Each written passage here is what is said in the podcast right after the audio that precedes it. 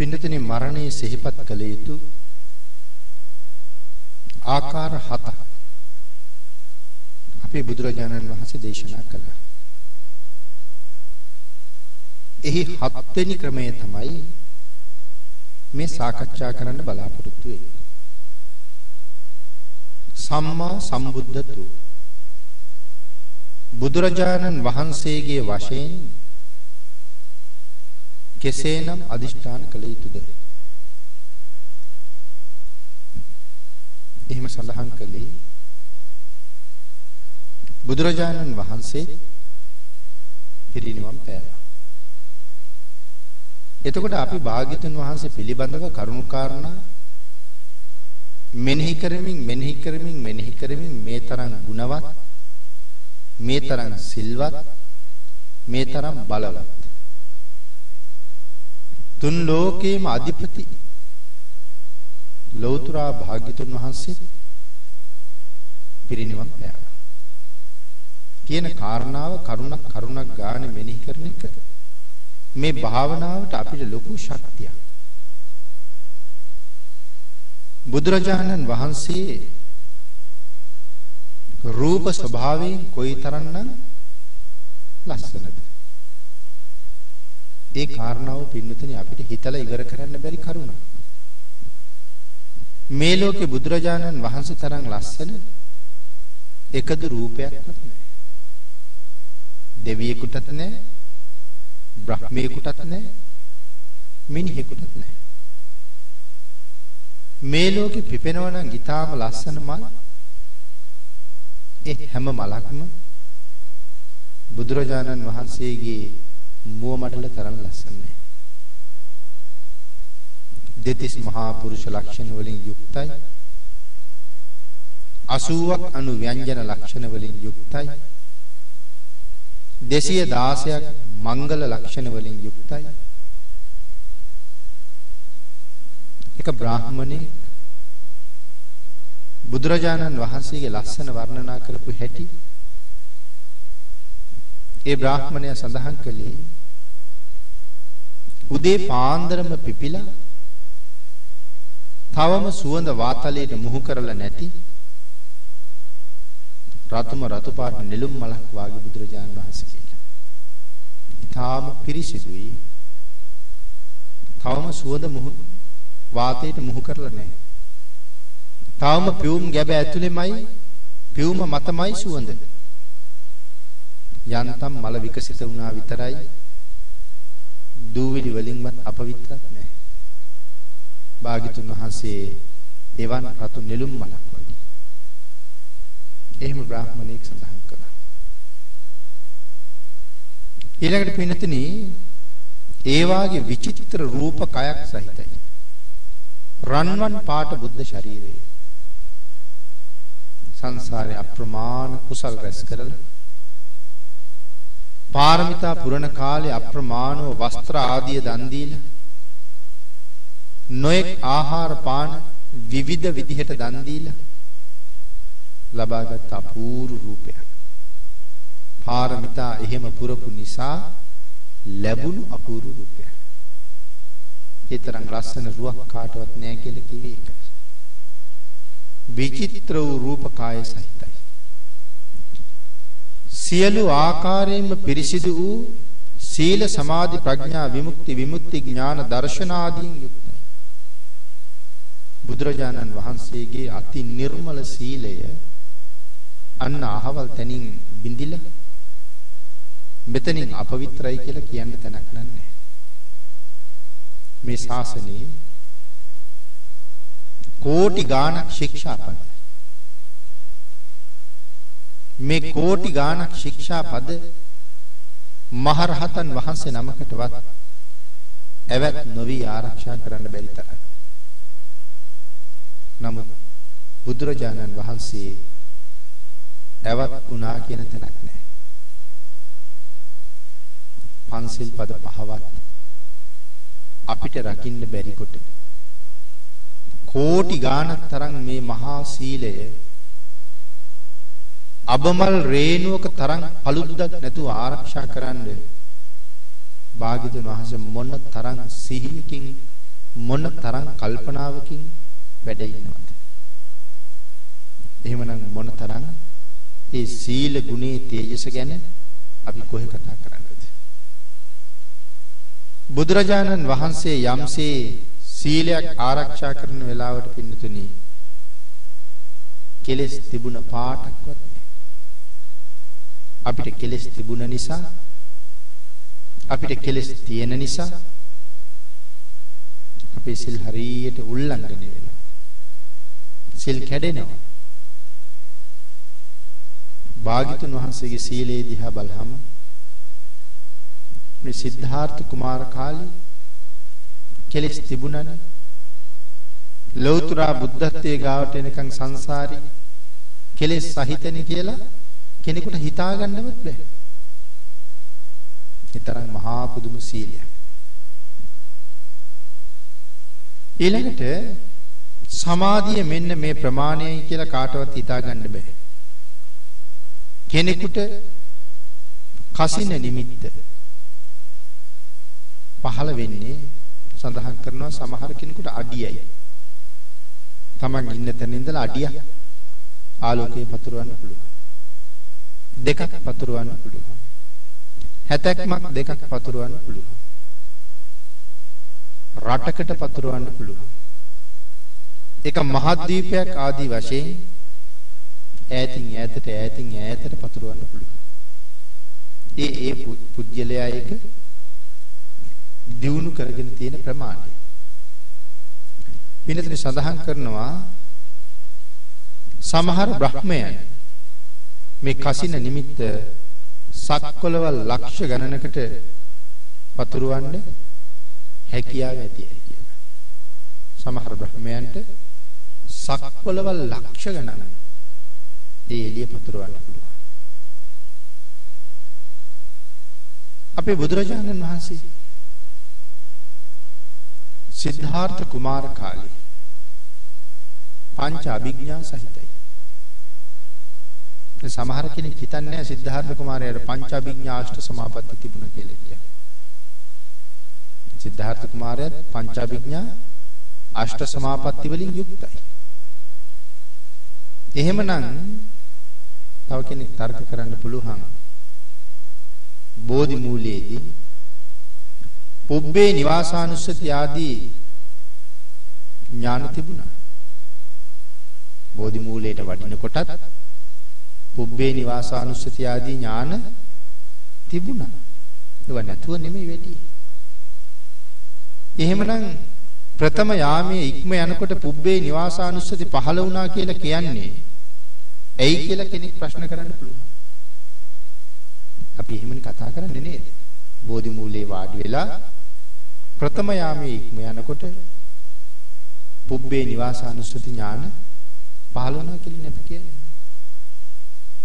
ඒ කියන්නේ අමුතුවෙන් පහළ වෙන්න පෙර එහෙම ඥානයක් නොතිබ්බම කියලා නෙමෙයි.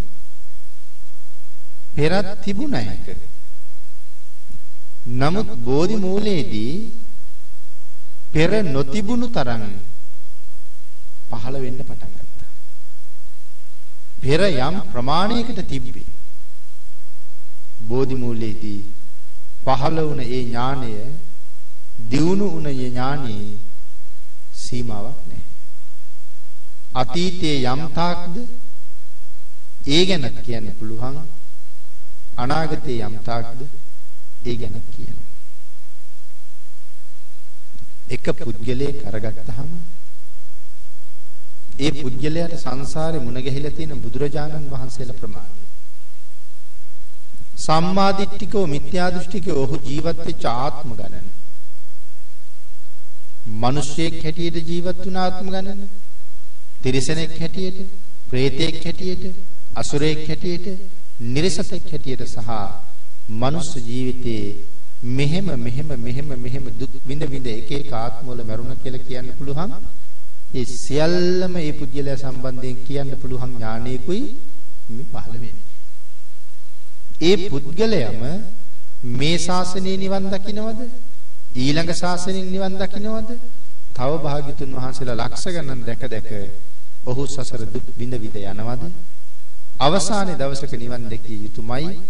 ඔහු නිවන් දකින්නේ මොන බුද්ධ ශාසනයේ මොන කාරණාව පදනම් කරගෙන කොයි වාගේ වයසක කොයි වාගේ තැනක කොයි වාගේ වෙලාවකද කියන කාරණාව කියන්න පුළුවන්. ආන් එහෙම ප්‍රබල ඥානයක් බවට පෙරතිවිච්ච ඥානෙපත් වුණා. ඒකයි බෝධි මූලයේදී පුබ්බේ නිවාසානුස්සති ලැබුවා කියලා කියන්නේ. පෙර තිබිච්ච ඥානය පරතරට දියුණු වුණා. නැත්තම් සිද්ධාර්ථ කුමාරයාටත් නොතිබුණා එහෙම නොතිබුණා නෙමෙයි. ඊළඟට පින්නතනි කලින් ඥානයත් දැන් තියෙන ඥානයත් අතර විශාල පරතරයක් තිබ්බා. ඒකයි අපි මෙච්චර ළමේ සිහිපත් කළේ. උඩට යටට සියලු දිශාවල් එකවර පේනවා. හරහට විතරක් පේනව නෙමෙයි. උඩත් පේනවා අකනිට බඹලව දක්වා. ඒ කියන්නේ සක්වල කෙරවල දක්වාම පේනවා.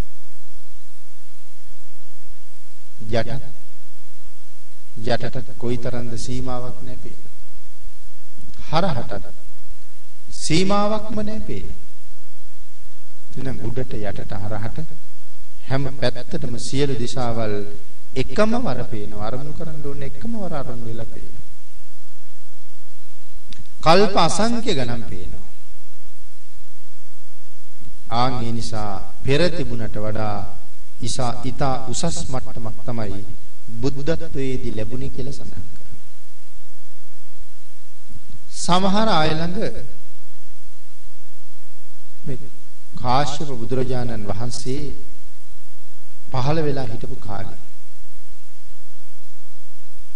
අපේ මහ බෝසතාණන් වහන්සේ කාශ්‍යප භාග්‍යතුන් වහන්සේගෙන් ධර්ම ශ්‍රවණය කළා නම් මෙදා දුෂ්කර ක්‍රියා කරන්න වෙන්නේ නැහැ කියලා කතා කරන සමහර අය ඉන්නවා. මොකද සමහර අය එහෙම මතයක් දරනවා. නමුත් දුෂ්කර ක්‍රියාවක් කරන්නේ නැහැ කියලා එහෙම කාටවත් මත දරන්න පුළුවන්කම පුළුවන්කමක් නැහැ. එහෙම නැත්තම් සමහර අය මෙහෙමත් කියනවා. දැන් මේ දුෂ්කර ක්‍රියා කළේ මොකටද? ඒත් හෙව්වේ බුද්ධත්වයේ ඊට කලින් අන්තර්කල්පේ පහළ වෙච්ච ලෞතර බුදුරජාණන් වහන්සේනේ කාශ්‍යප භාග්‍යතුන් වහන්සේ. ඉතින් මේ අය කියනවා කාශ්‍යප බුදුරජාණන් වහන්සේගෙන් බණ ඇහුවනම් ඊළඟ අන්තර්කල්පේ බුද්ධත්වයේ ලබන මොකටද දුෂ්කර ක්‍රියා කරන්නේ? කියලා කතා කරන සමහර. ඊළඟට සමහර අය විරුද්ධයි මහා බෝසතාණන් වහන්සේ පහළ වෙනකොට. කියන්නේ මහා මායා දේවී කුසින් මේ ලෝකෙ උපදිනකොට ලෝකේ ආර්යයන් වහන්සේලා වැඩ හිටියා කියලා පිළිගන්න කැමති නැහැ. එකම ආර්යයන් වහන්සේ නමක්වත් විශ්වයේ හිටියේ නැහැ කියලා කියන්නේ. ඒ කාලේ ආර්යයන් වහන්සේලා ඕන තරම් හිටියා. හිටියේ නැහැ කියලා කිව්වොත් ඒක මුසාවක් වෙනවා. විශ්වයේ ඕන තරම් හිටියා. සක්වලේ ඕන තරම් හිටියා. මිනිස්සු අතර හිටියේ නැති වෙන්න පුළුවන්. නමුත් එකල ආර්යයන් වහන්සේලා හිටියේ නැහැ කියලා කිව්වොත් කතාව වැරදි. ඒ මහ බෝසතාණන් වහන්සේ මහා මායා දේවින් වහන්සේගේ කුසෙන් මුලින්ම බිහි වෙන වෙලාවේ ඉස්සරළම ඇවිල්ලා පිළිගන්නේ බ්‍රහ්ම රාජ්‍ය හතර දෙනෙක්. ඒ බ්‍රහ්ම රාජ්‍ය හතර දෙනා රහතන් වහන්සේලා. රහත් වෙච්ච බ්‍රහ්මයි. සුද්ධාවාසී වල වැඩි. ඇයි? මහ බෝසතාණන් වහන්සේට තියෙන ගෞරවය මං හිතන්නේ අන්‍ය සත්වයන්ට තියෙන අනුකම්පාවක් තියෙනවා. එයි අන්‍ය සත්වයන්ට තියෙන අනුකම්පාව කියලා කියන්නේ. මෙතෙන්ට ආර්යයන් වහන්සේ නමක් වැඩි නැත්නම් මෙතෙන්ට යන්න වෙන්නේ කෙලස් තියෙන කෙනෙකුට. කාන්තාවක් දරුවෙක් බිහි කරන වෙලාව කෙලස් තියෙන කෙනෙක් මේ වෙලාවට සම්බන්ධ වුණා නම් මෙතෙන්ට මහා මායා දේවින් වහන්සේ පිළිබඳව කෙලස් උපදින්න තිබුණා. ඒ ඒ තරම්ම ලස්සන රූපයක්. මහා මායා දේවින් වහන්සේ කොච්චර ලස්සනයිද කියන කාරණාව අපේ ධර්මයේ එච්චර විස්තර කරන්නේ නැහැ. යසෝදරා දේවින් වහන්සේ කොච්චර ලස්සනයිද කියන එක එච්චර විස්තර කරන්නේ මේ උත්තමාවියෝ දෙදෙනාම විස්තර කරන්නේ නැතුව ජනපද කල්යාණි ගැන හොඳට විස්තර කරනවා. එයි ඒ විශේෂත්වය. මේ දෙන්න ගැන විස්තර කරන්න තේරෙන්නේ ඒ තරම්ම ලස්සනයි. මහා මායා දේවින් වහන්සේට ඇයි එහෙම නමක් තියලා තියෙන්නේ? මනුස්ස ලෝකේ නම් කෙනෙකුට හිතාගන්න බැරි නිසා ඒ ලස්සන. අපිට එහෙම යමක් හිතාගන්න බැරි වෙච්චාම අපිට හිතෙනවා ඒක නිකන් මායාවක්ද කියලා. අන්න ඒක නිසා තමයි මායා කියලා නම තිබ්බේ. හැබැවින්ම මායාවක්. තේරුන්නේ නැහැ කාටවත්. ඒ තරම්ම ලස්සනයි. ඉතින් ඒ තරම්ම ලස්සන කාන්තාවක්. මේ වෙලාවේ කෙලෙස් සහිත කෙනෙක් ළඟ හිටියනම් රාගසිත උපදින්න තිබුණා. අනුකම්පා කළේ මහමායා දේවින් වහන්සේ ගැන යමෙක් රාගසිත ඉපදෙව්වන ඒ සිතුවිල්ල බොහෝ වෙනුවෙන් निराදරවල් විවෘත කරන්න කාරණාව. ආගේ නිසා කෙලෙස් සහිත සත්වයන්ට නිරේ දොර අරගන්න ඉඩ නොදී තමයි රන්දලක් අරගෙන මහරහතන් වහන්සේලා හතර නමක් වෙන්නේ. එතකොට ලෝකේ ආර්යයන් වහන්සේලා වැඩ හිටියේ නැත්තම් මේ කොහෙන්ද වැඩි? සුද්ධාවාසයේ වැඩ හිටියේ හින්දා. තව්තිසාවේ වැඩ තුසිතේ වැඩ ඉන්න කාලේ මනුස්ස ලෝකේ උපදින්න කාලය හොඳයි ස්වාමීනි කියලා මතක් කරන්න. අරිහත් මහා බ්‍රහ්ම රාජ්‍යය එකතු වුණා. නිකන් නෙමෙයි ආරාධනා කළේ දන ගහලා බැඳලා කියලා කියන්නේ. මහා බෝසතාණන් වහන්සේ දිව්‍ය ලෝකේ වැඩ ඉන්න කාලේ කෙලෙස් නැති කරලද? කෙලෙස් නැති කරලා නැහැ. නමුත් කෙලෙස් නැති කරපු මහරහතන් වහන්සේලා ඇවිල්ලා තාමත් කෙලෙස් සහිත සිද්ධාර්ථ කුමාරයා ළඟ දන්න ගැහුවා. මනුස්ස ලෝකේ ඉපදිලා මහා ගුණවතුන්ගේ සිරිත තමයි යම් තැනකට ගියහම මම විසින් ගරු කළ යුතු අය ඉන්නවද කියලා බලන එක.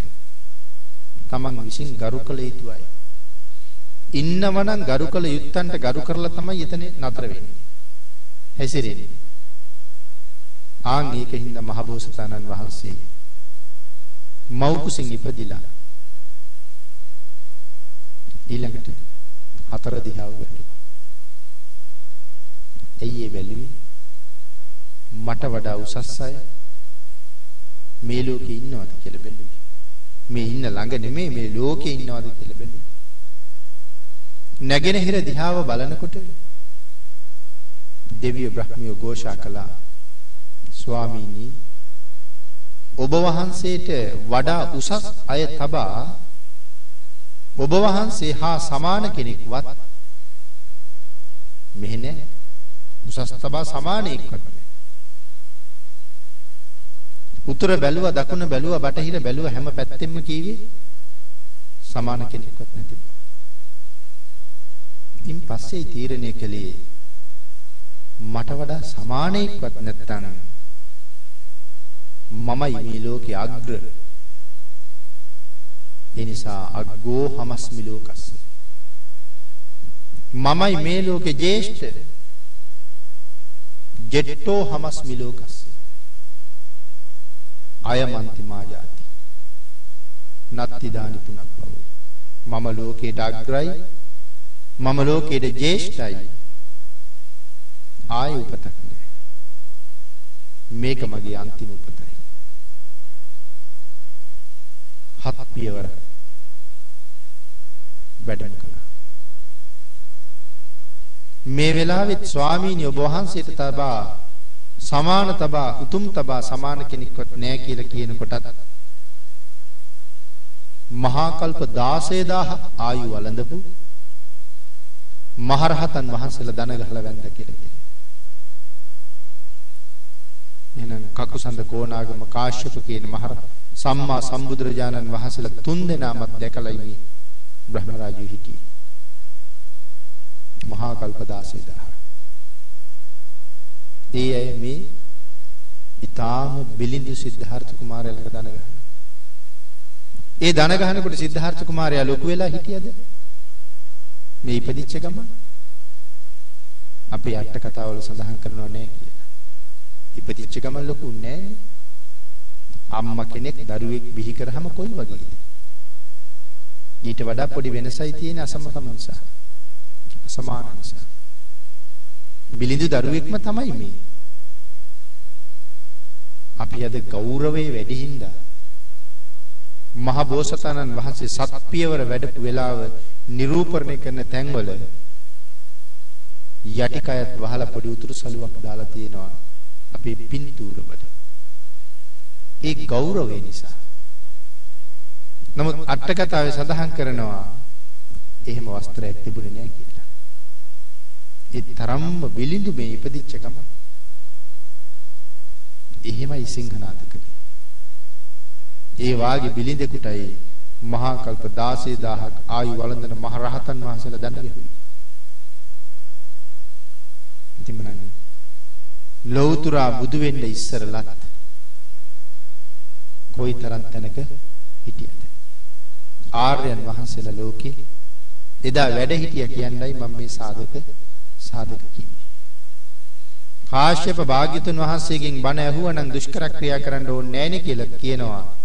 ආර්යයන් වහන්සේලා එදා ලෝකේ වැඩ හිටියානම් මෙච්චර දුක් විඳින්න ඕනේද බුදු වෙන හැටි උන්වහන්සේලගෙන් අහගන්න තිබුණා නේද කියලා කියනවා. බැලුව බැල්මට නම් තර්කي සාධාරණයි. නේද? ඕනනම් උන්වහන්සේලගෙන් අහන්න තිබ්බනේ කොහොමද බුදු වෙන්නේ කියලා. දුෂ්කර ක්‍රියා කරන්න ඕනේ නැහැ නේ එහෙමනම් බුදු වෙන හැටි කියලා දුන්නා නම්. නමුත් ඒ ආර්යයන් වහන්සේලා බුදු වෙන හැටි දන්නවද? දන්නේ නැහැ. බුදු වෙන්නේ කොහොමද කියලා දන්නේ නැහැ. පින්නතේ බුදු වෙන්නේ කොහොමද කියලා දන්නවනම් මොකටද රහත් වෙලා නතර වුනේ? උන්වහන්සේලාට බුදු වෙන්න තිබ්බයි. රහත් බවයි ලෞතුරා බුද්ධත්වයයි කියලා කියන්නේ දෙක. උන්වහන්සේලා දන්නේ නැහැ බුදු වෙන්නේ කොහොමද කියලා. බුදු වෙන හැටි කාටවත් කියලා දෙන්න කියලා දෙන්න බෑ. ඒක තමන්ම අවබෝධ කරගන්න ඕනේ. තමන්ම තේරුම් ගන්න ඕනේ. ඒක අහගෙන දැනගන්න කියලා දෙන්න කෙනෙක් කෙනෙක් නැහැ. වෙනතනි කිසිම රහතන් වහන්සේ නමක්වත් ආර්ය වූ බ්‍රහ්ම රාජයෙක්වත් බුදු වෙන ක්‍රමය දන්නේ නැහැ කියලායි සඳහන් කරන්නේ. බුදුරජාණන් වහන්සේත් රහත් වෙන්න මිස බුදු වෙන්න අපිට ධර්ම දේශනා කරලත් නැහැ. ඒ කියන්නේ බුදු වෙන ක්‍රමය බුදුරජාණන් වහන්සේ කාටවත් කියලා දීලා තියෙනවද? මෙහෙමයි බුදු වෙන්නේ කියලා. බුද්ධත්වයේ ලබන්න මේ විදිහට පාරමිතා පිරුවා. ඒ ටික දන්නවා අපි. එහෙමනම් මේ සරියුත් මහරහතන් වහන්සේට බුදු වෙන ක්‍රමය කියලා දීලා තව බුදුරජාණන් වහන්සේ නම පහළ වෙන්න ඉපේ. ඒ මහා ප්‍රඥාවන්තයාට කියලා දුන්නා නම් කරන්න බැරි වෙයිද? කියලා දුන්නා නම් කරන්න බෑ. බුදු වෙන ක්‍රමය කියලා දීලා කරන්න කරන්න බෑ. ඒ හින්දා අපේ භාග්‍යතුන් වහන්සේ කාටවත් බුදු වෙන ක්‍රමය දේශනා කරලා නැහැ. ඒක තමන්ම තමයි තනියම හොයන්න ඕනේ. බුදු වෙන හැටි කියලා දෙන්න බෑ. 45 අවුරුද්දක් ධර්ම දේශනා කළේ බුදු වෙන්නද? රහත් වෙන මග කියලා දුන්නා. අන්න අහවල් දේශනාවේ බුදු වෙන හැටි කියලා දුන්නා කියලා කොතනවත් දේශනාවක් කොතනවත් දේශනාවක් නැහැ. නම් බුද්ධත්වයේ කියන්නේ තනියම හොයාගන්න ඕන දෙයක්. මහා බෝසතාණන් වහන්සේ උපදින කාලෙත් ආර්යයන් වහන්සේලා අසංඛ්‍ය ගණන් සුද්ධාවාසවල පින්නතුනි වැඩ ඉඳී. අසංඛ්‍ය ගණන් ඉඳී. නමුත් බුදු වෙන්නේ කොහොමද කියලා ඒ කවුරුවත් දන්නේ ඒ කවුරුවත් දන්නේ නැහැ. කාගෙන්වත් අහගෙන බුදු වෙන්නත් බෑ කියලා සඳහන් කරා. එහෙමනම් තනියමම තනියමම තමයි මේ චතුරාර්ය සත්‍ය ධර්මය හොයාගත්තේ. තනියමම තමයි ඒ ਸਰුවඥතා ඥානය ලබාගත්තේ. ඒ කියන්නේ ලෝකේ සකල සියල්ල දැන් අවබෝධ කරගත්ත කියන එකයි ਸਰුවඥතා ඥානය ලබාගත්ත කියලා කියන්නේ. නමුත් මෙතනදී කරුණු කාරණා හුඟක් පැටලිලා හුඟක් වෙලාවට තවත් හුඟක් අය පටලවන ක්‍රම ලංකාවේ බොහොම තියෙනවා. බුදු දහම වගේ වෙන දහමක් ලංකාවේ තියෙනවා. හුඟක් අය හිතාගෙන ඉන්නේ බුදු වෙන්න හරි ලේසි කියලා. හුඟක් අය හිතාගෙන ඉන්නේ රහත් වෙන්න හරි ලේසි කියලා. හුඟක් අය හිතාගෙන ඉන්නේ භාවනා කරාම විතරක් ඇති කියලා. සිල් රකින්න ඕනෙත් නැහැ. දන් දෙන්න ඕනෙත් නැහැ. බණ අහන්න ඕනෙත් නැහැ කියලා තමයි කල්පනා. තව සමහර අය ධර්ම ශ්‍රවණය කරනවට හරි විරුද්ධයි. බණ අහන අයට හරියට බනිනවා. එක එක දේවල් අහගෙන හිටියා කියලා මේ සංසාරයෙන් එතර යන්න බෑ කියලා කියනවා. බුදුරජාණන් වහන්සේට වඳිනවට බනිනවා. බුද්ධ පූජාව තියෙනවට බනිනවා. සමහරුන්ගේ කතාව එව්ව හුඟක් බාලාංශ වැඩ කියලා.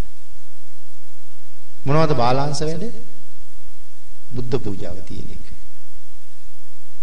බුදුන් වඳින එක. භාවනා කරන්න විතරයි යෝනි කියලා කියන්නේ.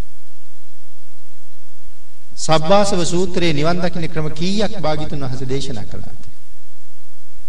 රහත් වෙන්න ක්‍රම කීයක් දේශනා කළාද?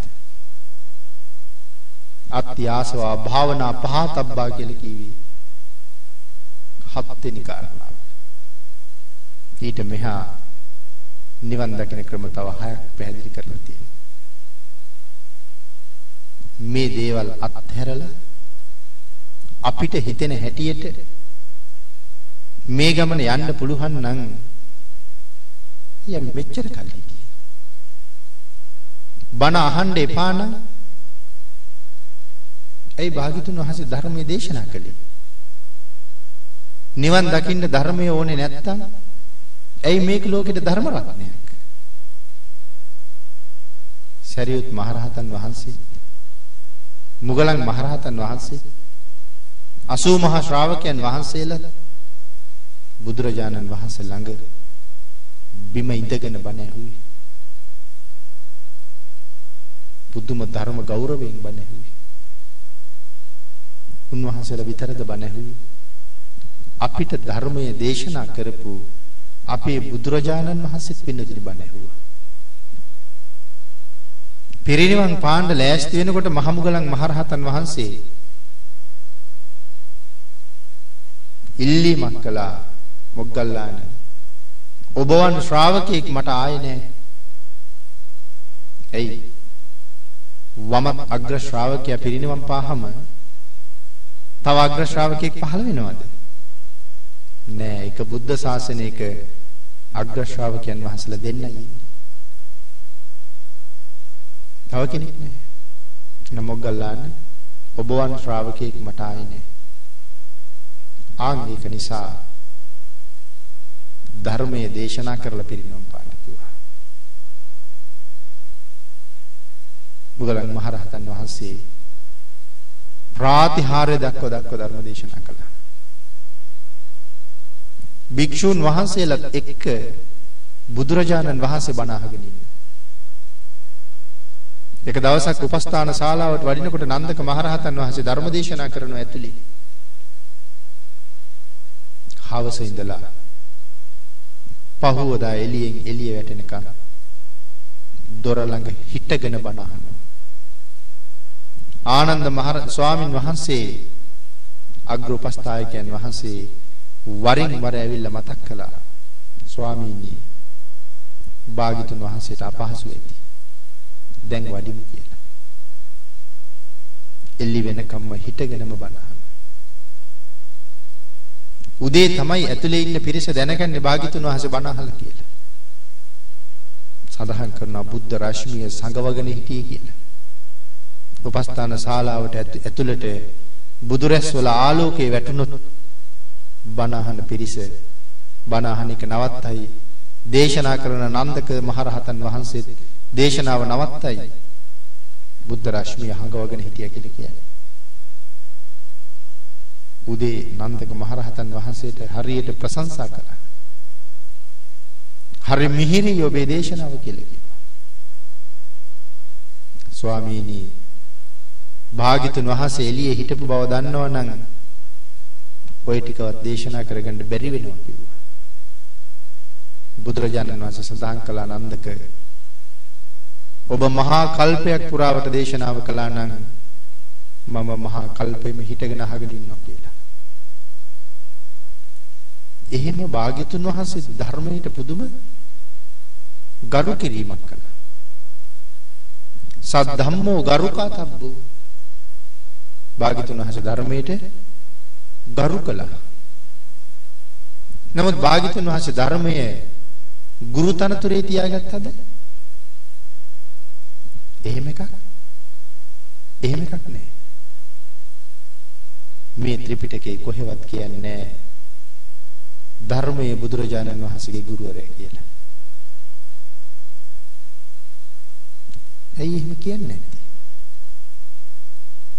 ධර්මයේ කවුද හෙව්වේ? බුදුරජාණන් වහන්සේනේ ධර්මයේ හොයාගත්තේ.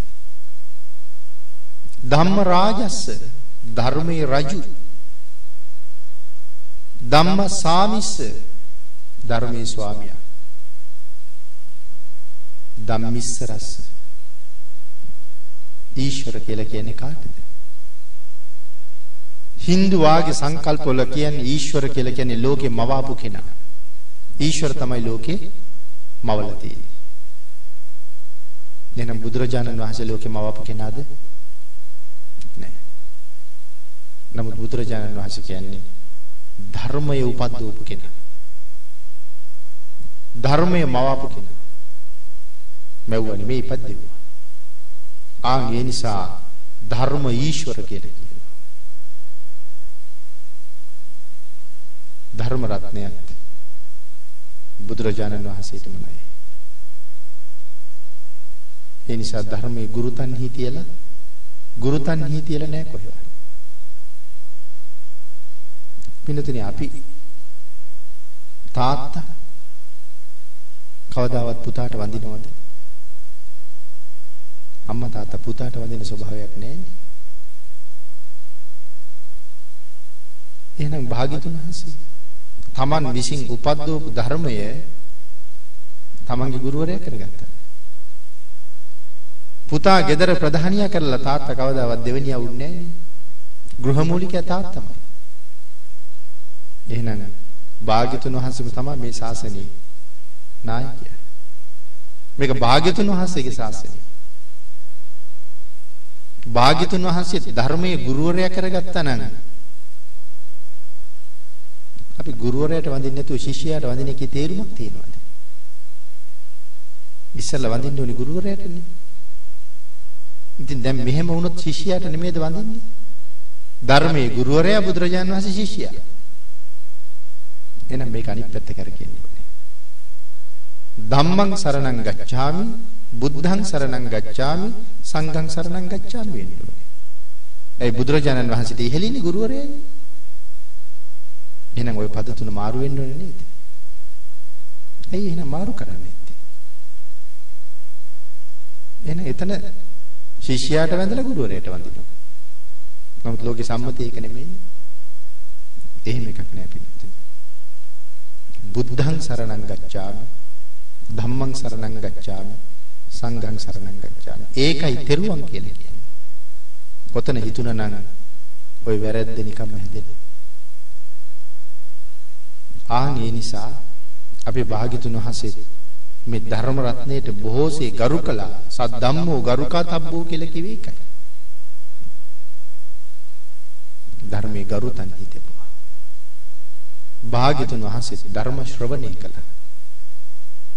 අපිට කියනවා බණ අහන්න එපා කියලා. ඒ ටික නැතුව ගියොත් සංසාරේ කොහේ යයිද දන්නේ බණ අහන්න නැතුව කොහොමද හරියට දන් දෙන්නේ? බණ අහන්න නැතුව කොහොමද සිල් රකින්නේ? බුදුරජාණන් වහන්සේ අනුපූර්ව ප්‍රතිපදාවක් දේශනා කරපු ශාස්ත්‍රුන් වහන්සේ. අපේ භාග්‍යතුන් වහන්සේ අපිට දේශනා කළේ දාන සීල භාවනා. එතකොට අපි කොහොමද දානයයි සීලයයි දෙකම අයින් කරලා භාවනාවට විතරක් කියන්නේ. දන් දෙනවට බයිනවා. දන් දෙන්න එපා කියලා කියන්නේ. ඒ කියන්නේ බුදුරජාණන් වහන්සේට ශාසනය වැරදිලා තියෙන්නේ. වර්තමාන ප්‍රඥාවන්තයෝ ඉන්නවා භාග්‍යතුන් වහන්සේට වඩා වැටහෙන අය. ඒගොල්ලෝ බුදුරජාණන් වහන්සේගේ ප්‍රතිපදාව අයින් කරලා ඊට වඩා අඩු කරලා කෙටි කරලා තියෙනවා. එහෙනම් භාග්‍යතුන් වහන්සේ දාන සීල අපිට දේශනා කළේ අපිට කරදර කරන්න වෙන්නේ. ඒ හින්දා පිරිසකට පුළුවන් මේ දෙක අයින් කරන්න. ඉක්මනට නිවන් දක්කන්න. එහෙම නිවන් දකින්න පුළුවන් නම් කමක් නැහැ. බුදුරජාණන් වහන්සේට අකීකරු වෙලා බුදුරජාණන් වහන්සේට විරුද්ධ වෙලා මේ ශාසනයෙන් නිවන් දකින්න පුළුවන් නම් ඒක හැබැයි හිතා ගන්න බැරි දෙයක්. පුළුවන් නම් හොඳයි කියන්න බෑ කොහොමවත් එක වෙන්නේ නැති හින්දා. භාග්‍යතුන් වහන්සේටම කීකරු වෙලා තමයි යන්නේ. මොකද නිවන් දකින්න හැටි දන්නේ භාග්‍යතුන් වහන්සේ. ඒකට යන පාරයි මේ පෙන්වලා තියෙන්නේ. මේ දෙක අත්හැරලා ගියොත් කොතන හරි පාර වරදිනවා. වැරදුන දවසට පැටලිලා තියෙන ලෙහා ගන්නම බැරි වෙන්නේ. ලෙහා ගන්න නම් පැටලුණු තැනට ආයෙ එන්න ඕනේ. මුල ඉඳලා ලෙහන්න වෙනවා. මැද්දෙන් ලෙහන්න බැරුව වෙනවා. ආන් ඒ හින්දා මේ අනුපූර්ව ප්‍රතිපදාව පෙන්නලා තියෙන්නේ. මරණ සතිය පිළිබඳව කතා කරනකොට සම්මා සම්බුද්ධතු භාග්‍යතුන් වහන්සේගේ වශයෙන් මරණය ගැන කල්පනා කරන්න භාග්‍යතුන් වහන්සේ පිරිනිවන් පාව දාලා අපි වැන්න උන් කවුද කියන කාරණාවයි මේ සාකච්ඡා කරන්නේ. නමුත් සම්මා සම්බුද්ධතු කියන කාරණාව අපි සාකච්ඡා කරලා ඉවර නෑ. ඒ වුණාට ධර්ම දේශනාවට තියෙන කාලය නිමා වෙලා තියෙනවා.